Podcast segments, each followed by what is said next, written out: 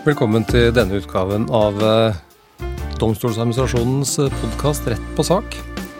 Eh, mitt navn er Ragnar Lindefjell. Jeg er dommer i Oslo tingrett og skal være vert for denne podkasten.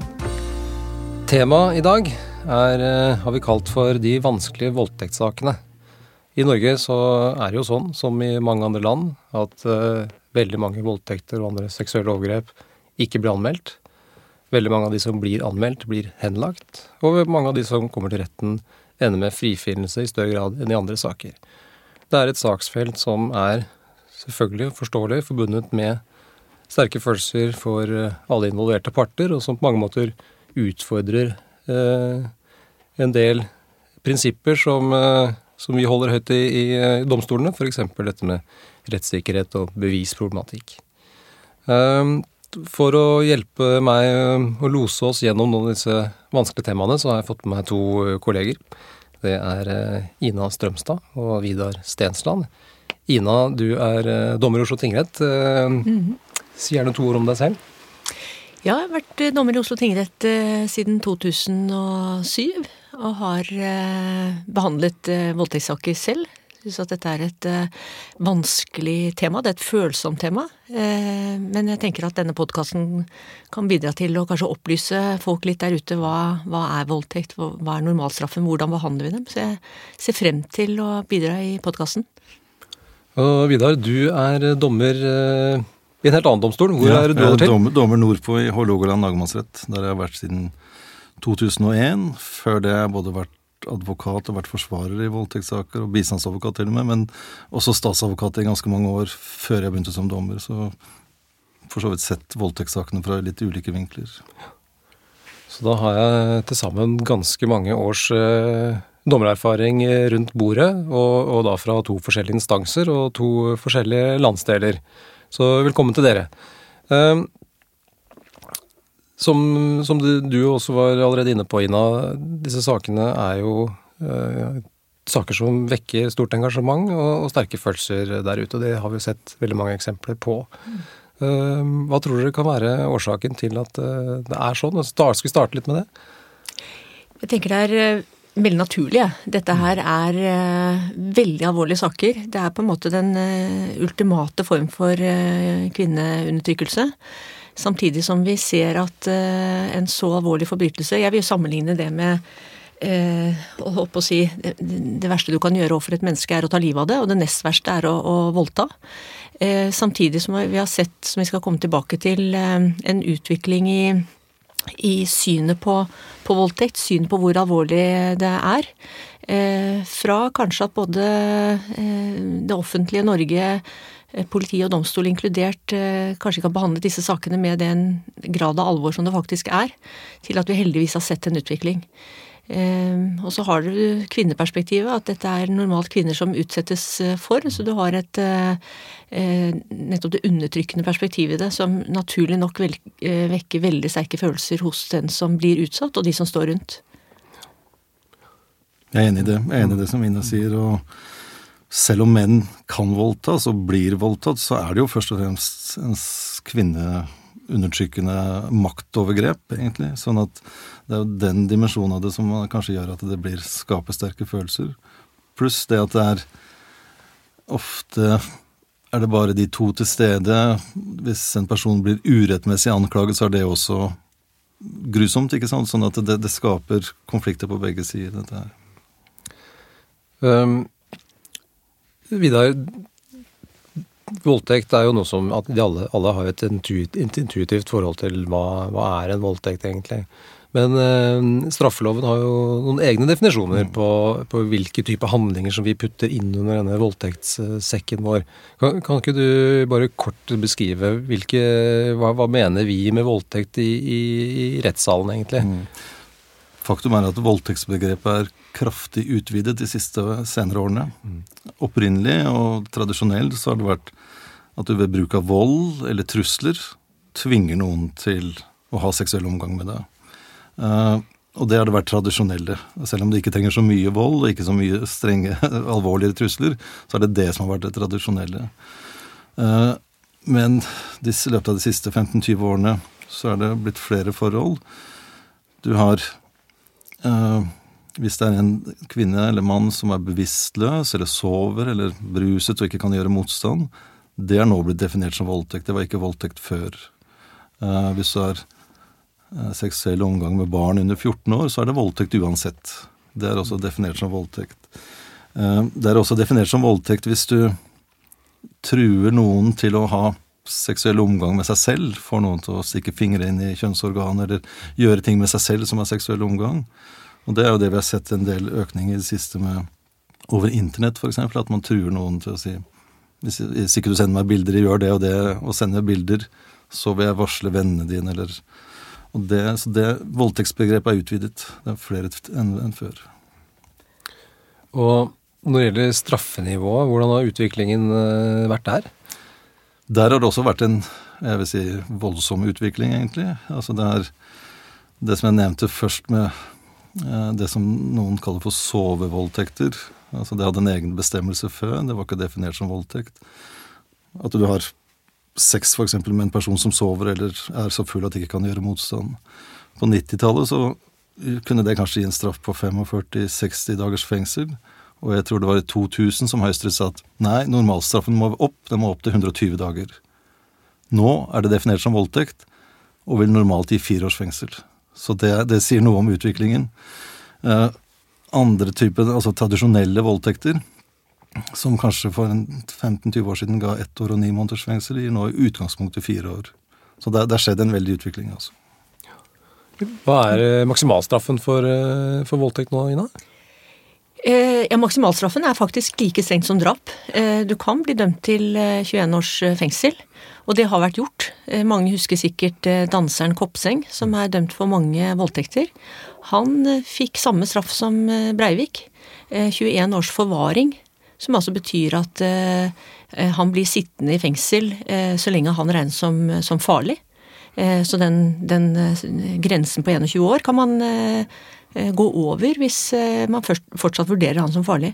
Så vi har, som Vidar er inne på, sett en veldig utvikling i, i både syn på voldtekt og hvordan det straffes. Og ja, og jeg tenker jo at det er en, det er en utvikling som, som, speiler nettopp alvoret i disse sakene. Du var vel inne på det, Vidar, at i, eh, I, voldtektssaker nå så har vi fått eh, noe som heter minstestraff. Eh, er det vanlig i strafferetten? Det er noen drap har du minstestraff, og det har i noen tilfeller minstestraff. Hvis det er voldtekt med samleie, som det heter, så er det en minstestraff på tre års fengsel. og det er også det som er også nytt, som politikerne har laget normalstraff, for de har satt noen eksempler fra rettspraksis og sagt at et sånt tilfelle skal for framtida gi tre års fengsel, fire års fengsel, fem års fengsel. Sånn at det er, og det er som på en måte gitt mye klarere føringer til domstolene på hvilke straffeutmålinger som skal være. Nå er jo dommerne generelt, og det er jeg enig i, litt skeptiske til minstestraffer, fordi alle saker er jo spesielle, og vi får ofte spesielle saker i domstolen. Og det kan være spesielle momenter som gjør at du har lyst til å fravike normalstraffen eller minstestraffen. Og da, ved at man setter det i loven, så er det mye vanskeligere å, å bruke det skjønnet som, som, kanskje vi skulle hatt større grad av. På den annen side så kan kanskje domstolene skylde litt på seg sjøl også, for at man ikke har fulgt opp signaler om strengere straffutmåling i, i saker om seksuallovbrudd. Og Stortinget derfor har ønsket å markere det mye mer tydelig at dere må gå opp i straffeutmåling. Mm. Jeg tenker jo det er en i, i, i, denne, I dette tilfellet eh, har vi sett nettopp en positiv utvikling, og at eh, når lovgiver kom til det punktet at nei, nå må vi innføre en minstestraff, så var det jo fordi domstolen ikke helt lyttet på, på, de signalene som var der ute om at dette straffes for lavt. Eh, og, og, at lovgiver da griper inn og sier at ja, men dere må minimum dømme til til i dette tilfellet tre års fengsel. da. Eh, så, så, jeg tror nok det har bidratt til en holdningsendring eh, i synet på hvor alvorlig voldtekt er. Og så eh, er det jo mange som mener at ulempen med, med en minstestraff er nettopp at som Vidar er inne på, at det er veldig forskjellige tilfeller vi snakker om. Fra liksom den verst tenkelige overfallsvoldtekten eh, til noe som kanskje ligger litt sånn i nedre sjikt, da. Og så skal man bruke eh, minstestraff på det. At det er en del som syns at det blir for strengt. Og da har jo eh, det vært hevdet i hvert fall at, eh, at, det kan være fristende, og i stedet for å, å gi den minstestraffen, å frifinne. Fordi man kvier seg. Eh, at meddommere typisk kvier seg for å, å, å, gi en så streng straff, for de mener at uh, dette tilfellet er ikke så strengt. Og det er en uh, Det er nok en reell innvending i noen tilfeller, det. Hvor det er en klar utfordring til oss fagdommere å si at her må vi skille veldig tydelig når vi snakker om skyldspørsmålet. Har han gjort det? Og det er noe helt annet, eh, en helt annen problemstilling enn hvis vi svarer ja på det spørsmålet, ja da, først da skal vi utmåle straff. Og ikke blande inn ja, men hvilken straff får han, og at det eh, eh, bidrar til å, å, til hvilket resultat jeg har tenkt å komme til på skyld.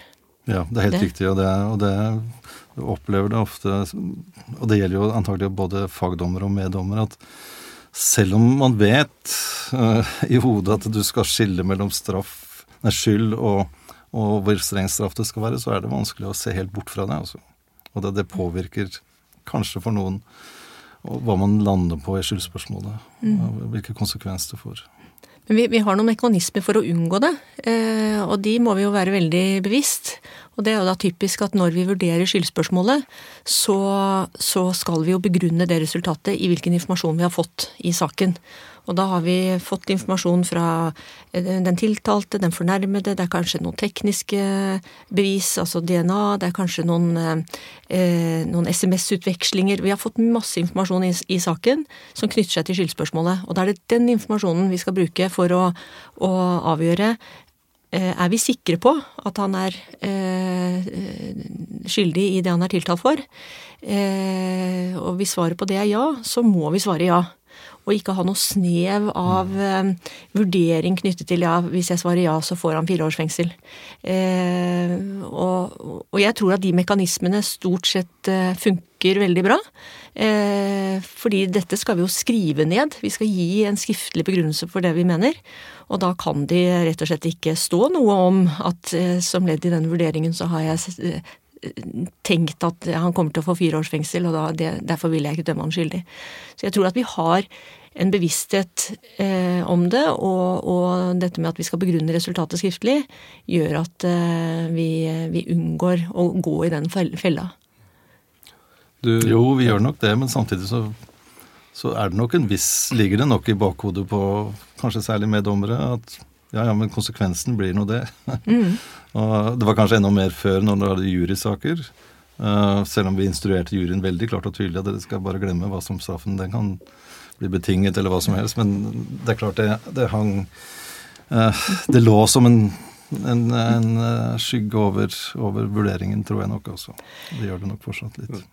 Ja, og det, det, utfordrer jo oss fagdommere veldig på å, å be meddommerne eh, rett og slett begrunne hvorfor kommer du til det resultatet du kommer til.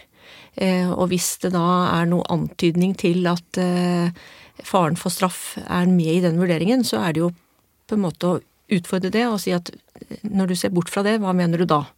Eh, og hvorfor mener du det? Hvordan ser du på på den forklaringen, den forklaringen, den forklaringen. Sånn at man virkelig bruker tid da, på å analysere den informasjonen man har fått, og begrunne det resultatet man har kommet til.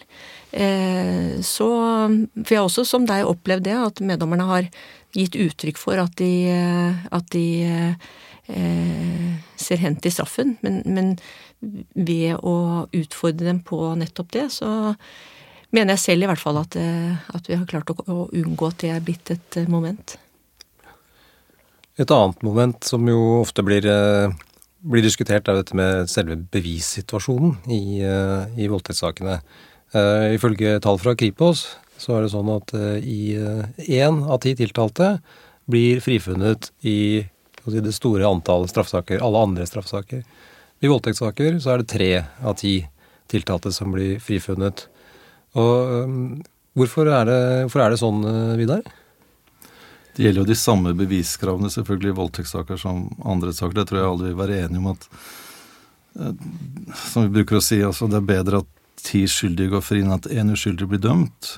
Men det som gjelder med voldtektssaker, er jo ofte at det vil være gjerne bare to stykker til stede. Det er ikke noen vitner som ser hva som har skjedd. Det er sjelden noen videoopptak. Du har det, sånn at det, det, blir ikke ord mot ord, men du har forklaringene og hva som har av momenter ellers som du kan støtte deg til. Hvis den som ble utsatt for en voldtekt, når fortalte vedkommende det til andre, fortalte det til lege, var det noen merker?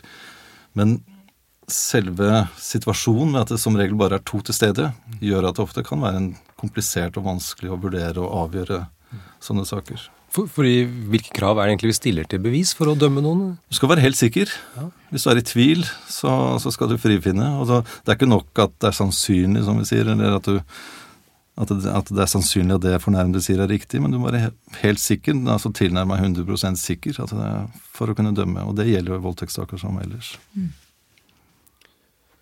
Det er litt viktig å understreke, tenker jeg, at eh, det er mange fornærmede som anmelder og går til retten, og, og, så blir det kanskje en frifinnelse, da. Og så sitter de igjen med en følelse av at de er ikke trodd.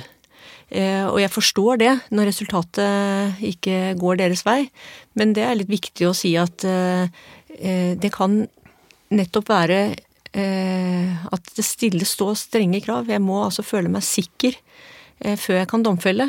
Og da kan jeg mene at eh, fornærmedes forklaring, ja, den, den, er mest sannsynlig riktig. Hun har mest sannsynlig vært utsatt for en voldtekt, men jeg mangler det beviset eh, som, som, underbygger hennes forklaring. Og det gjør at jeg av en, en bevisregel er nødt til å frifinne. Men det betyr ikke at jeg ikke har trodd på henne. Eh, og ofte ser vi jo det at eh, det er kanskje frifinnelse for straff, men at hun er har fått medhold i å, få oppreisning, altså en økonomisk kompensasjon. Og det er jo fordi vi da har ment at uh, hennes forklaring eh, mest sannsynlig er riktig, uh, men ikke det er ikke beviser nok for, for, straff, men det er beviser nok for at hun får en økonomisk kompensasjon. Et, et veldig kjent eksempel fra ikke så langt tilbake i tid er jo denne Hemsedals-saken. Uh, Vidar, hva var det egentlig som, eh, som skjedde der? Der var det et flertall som ville domfelle de tiltalte. Men pga. at det er sikkerhetsforanstaltninger for at du skal unngå å dømme uskyldige, så var det et mindretall på tre. Og det er, mindretallet er da så stort at du skal frifinne for straff. Det ligger i systemet. Men uh, de blir samtidig dømt til å betale erstatning. Så, og i den saken så var det vel sånn at tiltalte ble dømt først i tingretten, og så frifunnet av juryen mm. i lagmannsretten. Mm. Og så skjedde det samme som skjedde i Jensen-saken, at fagdommerne satte juryens frifinnende avgjørelse til side, og så ble det en ny behandling i, i lagmannsretten da med tre fagdommere og fire legdommere, mm. og i den saken så var det da tre fagdommere og én legdommer som stemte for ja i skyldspørsmålet, og så ble da likevel vedkommende frifunnet på tre, eh, tre, stemmer imot. Det sier jo noe om at det er et overveldende flertall da, eh, som faktisk har trodd på, på, henne. Eh, men allikevel så, så, blir hun altså da frifunnet. Mm. Og før vi forlater helt den saken der, altså jeg tenkte å plukke opp noe som du nevnte, Ina, dette med at man kan faktisk bli frifunnet for straff og så kan man bli, samtidig bli dømt for erstatning. Hva, hvordan kan det ha seg? Ja, det er jo mange som syns at det er en veldig sånn pussig greie. Eh, men etter, eh, etter, våre regler så er det altså sånn at eh, du kan det kan skje. Du kan bli eh, frifunnet for straff, og så kan du bli dømt til å betale erstatning. Eh, og grunnen er det vi kaller bevisreglene. For å dømme noen til straff, så må altså dommeren være overbevist, nær opp mot 100 sikkert, må det være, før jeg da kan dømme vedkommende til straff. Men Og da kan det jo tenkes at jeg er ikke 100 sikker. Jeg er bare 80. Eh, så jeg må frifinne ham for straff. Men beviskravet, altså det som skal til for å bli dømt til erstatning, det er bare at noe er klart sannsynlig, eller mer sannsynlig enn det motsatte. Altså at det er klart sannsynlig at han har gjort en voldtekt. Jeg kanskje Kanskje er jeg 60-70-80% sikker på det. Og da kan jeg altså dømme til erstatning. Og derfor har du den konstellasjonen om at man kan frifinnes for det ene og dømmes til det andre. Det er jo kanskje ikke helt sånn intuitivt enkelt å forstå. Nei. Men, uh, Det er, det, er, det er vanskelig, fordi at det er ikke nok at det bare er mest sannsynlig, men det må være klart mest sannsynlig. si, og sånn. Og det, det kan nok være vanskelig å forstå, og også for en tiltalt å bli frifunnet og samtidig dømt til å betale erstatning. Er det en halv frifinnelse? Hva er det? Hvordan virker det utad? Men altså hvis man ikke skulle hatt det, så ville jo ofte fornærmede måtte gå til en egen sak, sivil sak om det. eh, I utgangspunktet, eller søke voldsoffererstatning via, og som kan ende opp i også en sivil sak. Så det er for å begrense eh, rettsprosessene på en måte, og, og belastningen både for tiltalt og fornærmede var flere saker. Man kan behandle det i samme sak. Så det er en litt sånn kost-nytte-vurdering. Altså man kan ende opp med å måtte sitte der og gjennomgå det samme veldig, mm. Det er jo veldig, belastende veldig faktum med flere ganger. omdiskutert om det burde være sånn. Det er vel et lovforslag nå på eller et utvalg som mener at man bør skille det. Man bør ikke behandle det i samme sak. Så hva som skjer i framtida, får vi se. Mm. Um, når, vi, eh, når vi snakker om voldtektssaker og, og vi er dommere, uh, så kommer vi kanskje ikke utenom uh, et tema som ofte vi ser framme, kanskje særlig i media. Da. Det er jo at uh, domstolen og dommere er sin natur konservative og kanskje litt sånn mistroiske, og at man som fornærmet i en voldtektssak føler at man nesten blir krenket på nytt eh, ved at det blir stilt spørsmålstegn ved hva har du på deg, hvor mye hadde du drukket, hvem, eh, hvor mange har du hatt sex med før, altså alle sånne intime og private detaljer som i utgangspunktet kanskje ikke har noe med dette konkrete å gjøre, men allikevel så, så, så blir det tema for spørsmål fra særlig kanskje forsvarer, men også kanskje fra, fra domstolen. Og, og at det eh, At øh, Kanskje man til og med mener at de som skal dømme disse sakene, møter fornærmede med, med, med fordommer. eh, I hvert fall forutinntatte holdninger. Er det, hvordan, hvordan tenker dere som står midt i dette, om det? Det er et vanskelig spørsmål, det skjønner jeg, men jeg tenker at vi må, vi må adressere det. Ja, altså La det være helt klart at både en tiltalt og en fornærmet skal behandles med respekt i retten. Og det har selvfølgelig dommeren det, eh, ansvaret for at det skjer. Men samtidig så må både en tiltalt og en fornærmet tåle at vi stiller eh, inngående spørsmål. Eh, vanskelige spørsmål, veldig intime spørsmål. Og begrunnelsen for det er at vi må få alle de opplysningene vi trenger i saken for å komme til et riktig resultat. Eh, og jeg kan forstå at en fornærmet kan oppfatte det som, som krenkende å bli spurt om det du nevner, ikke sant, med hvor full var du, hvor mange har du hatt sex med tidligere, eh, hvordan oppførte du deg, eh, videre. Men, men det er opplysninger som vi, vi trenger for å kartlegge eh, hva er det som har skjedd her. Eh, og som Vidar var inne på, ofte så er det bare to, eh, to kilder, to hovedkilder, og det er tiltalte og fornærmede. Eh, og da trenger vi enda flere detaljer for å sette dette puslespillet sammen, og for å komme til et riktig resultat. Samtidig så er det nok sånn at vi er veldig forsiktige, og det er jo etter loven også med å spørre om tidligere seksuell erfaring. Det må jo bare være hvis det har direkte betydning for den saken her. Altså det er noe med mønster eller et eller annet som gjør at det har relevans, at det har betydning for å avgjøre spørsmålet. For i utgangspunktet så har vi ikke lov å spørre om det. Heller ikke voldtektssaker, men det kan jo være at det har direkte betydning. Og f.eks. beruselsesgrad vil ha betydning, eller det kan være andre elementer som har betydning for å vurdere hva var det gjerningsmannen forsto, hva var det han visste ut fra situasjonen. Men, men som du sier, begge skal jo behandles med respekt og behandles ordentlig. Samtidig så er det en veldig alvorlig sak, og vi må finne ut hva, hva kan vi bygge på når vi skal avgjøre saken. Så kan vi kanskje bli flinkere til nettopp å si til både tiltalte og fornærmede hvorfor vi stiller disse spørsmålene.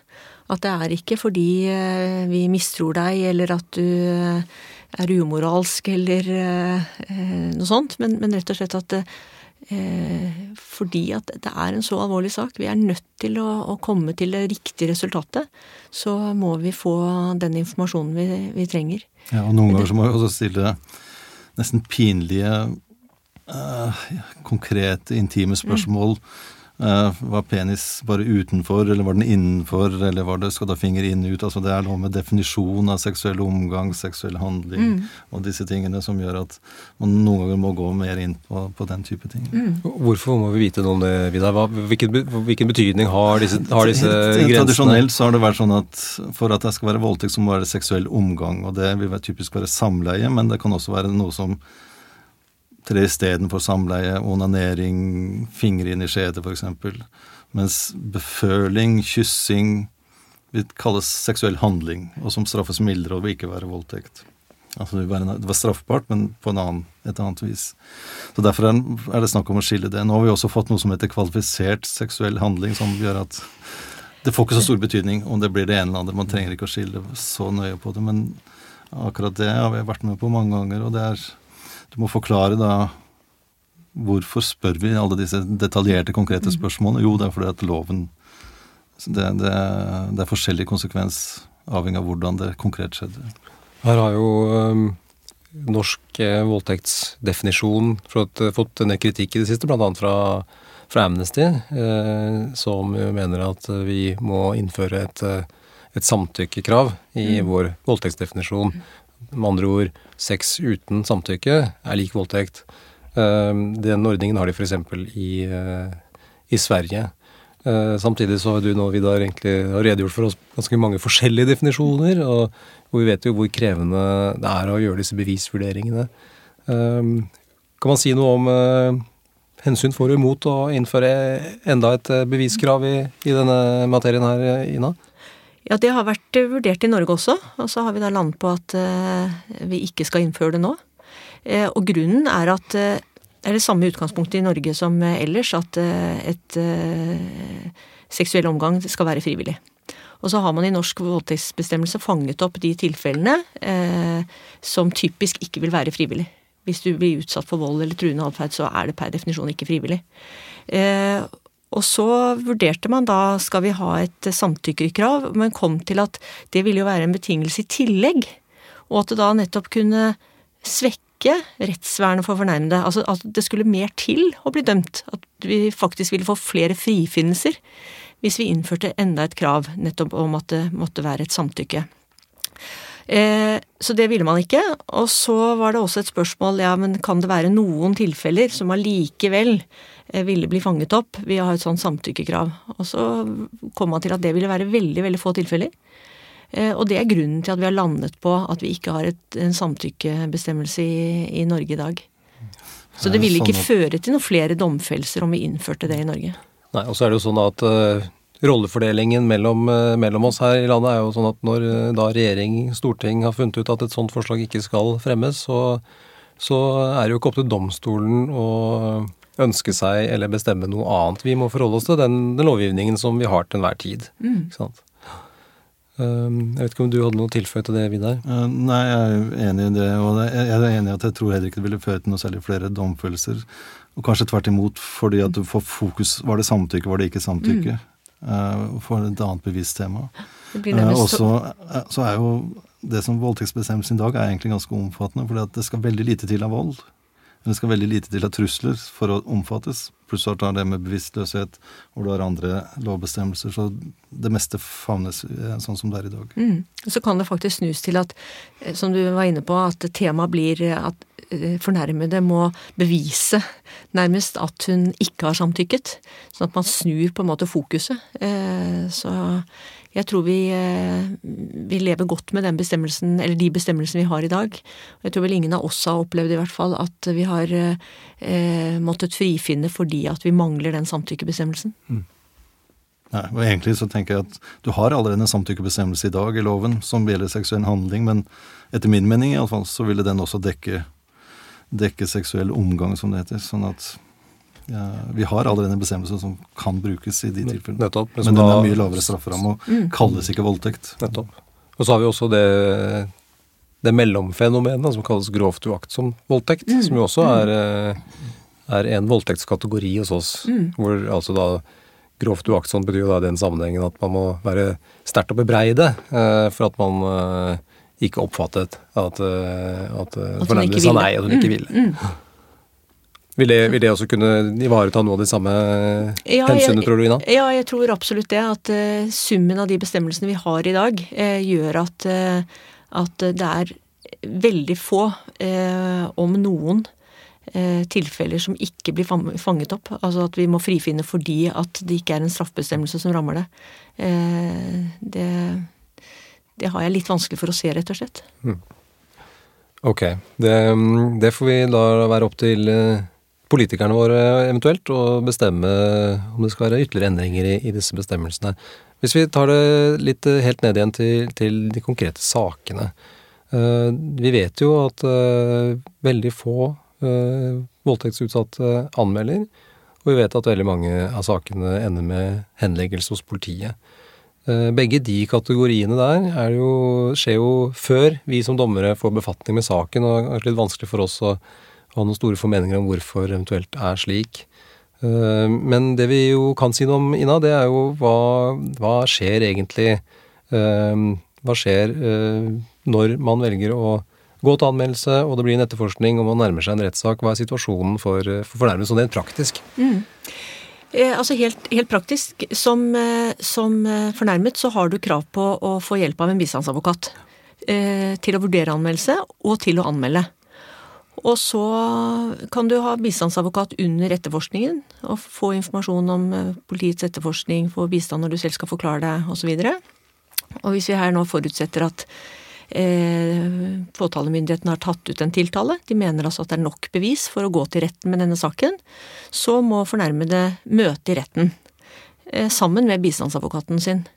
Og i møte med retten, så er det jo da i tingretten som jeg jobber, så er det tre dommere det er en fagdommer, meg, og to meddommere.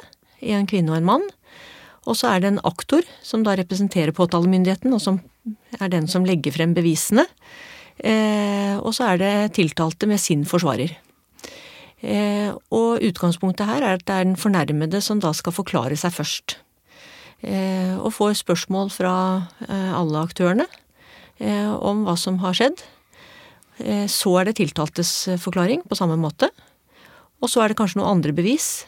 Eh, det kan være vitner som forklarer seg, det kan være SMS-er som legges frem, eh, det kan være andre tekniske bevis. Eh, og så avsluttes da selve saken med at aktor først, og så bistandsadvokat og, og forsvarer argumenterer for hvilket resultat de mener at vi skal komme til. Eh, og så er det da vi tre dommere som sammen skal eh, diskutere oss frem til hva mener vi resultatet er her. Det er jo ikke da eh, tiltalte og fornærmede vitne til. Da sitter vi på et rom og diskuterer det. Og så får de en skriftlig dom, et skriftlig resultat på hva vi har kommet til. Det er sånn i veldig korte trekk mm. hva som foregår. Mm. Og i, hvis det da skulle bli en, en anke, altså enten at den tiltalte Eh, blir dømt og anker til lagmannsretten, eventuelt frifunnet og aktor kan anke. Eh, hvordan er da Nå har det jo vært en juryordning, og den er jo nå borte. Vidar, hvordan, er, hvordan skjer det i lagmannsretten nå? Ja, juryordningen er borte, og det skjer det samme som i tingretten, bortsett fra at vi er fem dommere. Det er to fagdommere, og så er Nei, vi er syv, syv dommere. To fagdommere og fem meddommere. Mm. Og for å domfelle så må minst fem stemme for domfellelse, inkludert én av fagdommerne. Så det er litt forskjellige stemmeregler. Ellers så er det jo samme som, som, i tingretten. Det som kan legge til, er jo at fornærmede, som du sier, forklarer seg først. Men ikke bare det, har også rett til å være til stede under hele saken og stille spørsmål.